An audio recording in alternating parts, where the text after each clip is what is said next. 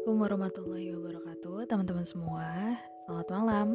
Hari ini tanggal 13 April 2020 Nah sebelum gue mulai podcastnya Gue pengen tahu nih Gimana kabar kalian selama lebih dari 14 hari di rumah aja? Pasti udah mulai ngerasain bosan Udah mulai kangen nge-mall Udah kangen main, kangen ngopi Pasti kangen doi juga kan? Secara selama ini video call via medsos yang selalu terhalang sama reconnecting Anyway, hmm, minggu lalu gue buka Instagram dan mau ngobrol tipis-tipis soal insecure. Dan hasil polling gue soal insecure itu ada 92% orang pernah merasakan, termasuk gue sendiri, dan 8% orang nggak pernah merasakan insecure. Gue nggak tahu dia memang nggak pernah atau lupa kali ya, karena gue percaya bahwa setiap orang itu pasti pernah merasakan insecure. Sadar gak sadar. But kita fokus ke topik insecure aja ya.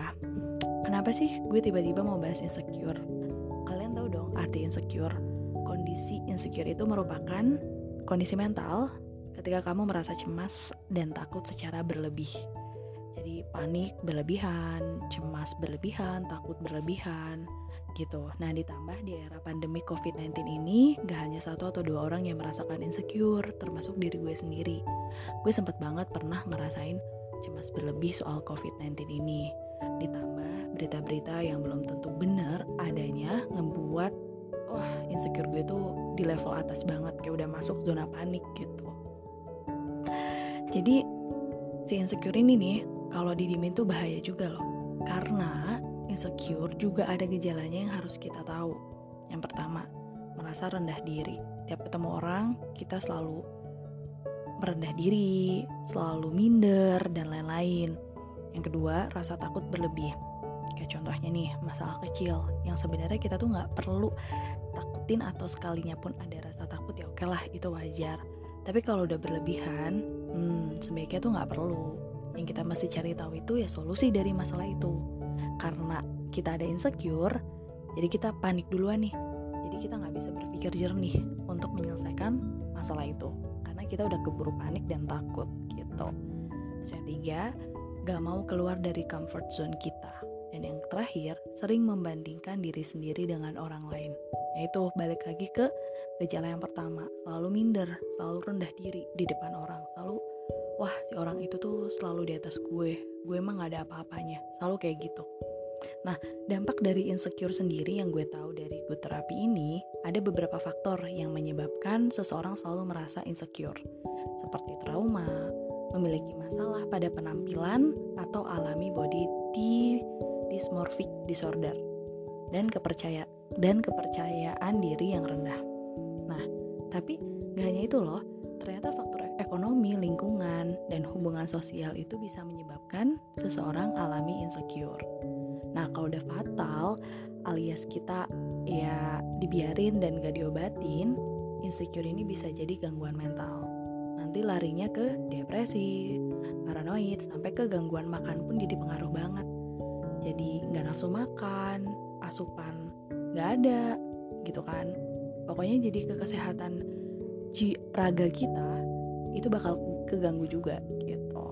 Nah, kalau kita udah merasakan insecure nih, gue bakal kasih tips yang gampang banget kalian lakuin dan gue lakuin juga.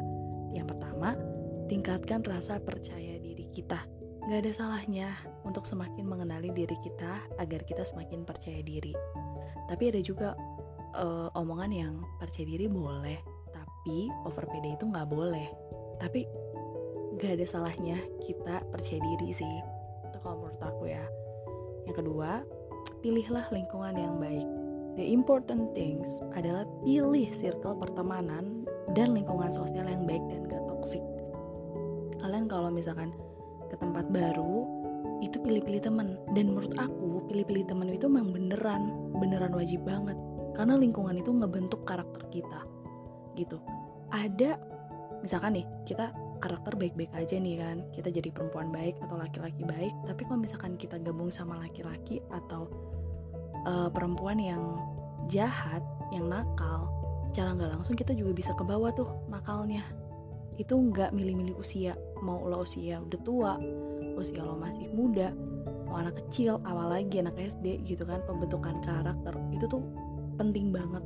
Lingkungan itu yang ngebentuk karakter kita gitu. Nah pilih orang-orang yang di dalamnya itu kayak positive vibes gitu jangan dark vibes gitu.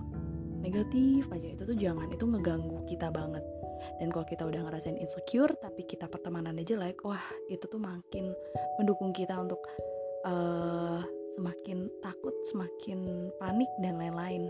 Gitu. Takutnya nanti kegangguan mental itu kayak depresi paranoid dan lain-lain. Nah dua tips itu bisa banget ngeluarin kita nih dari perasaan insecure. Ingat ya kesembuhan mental itu tergantung diri kita sendiri. Mental itu beda banget loh sama penyakit lainnya.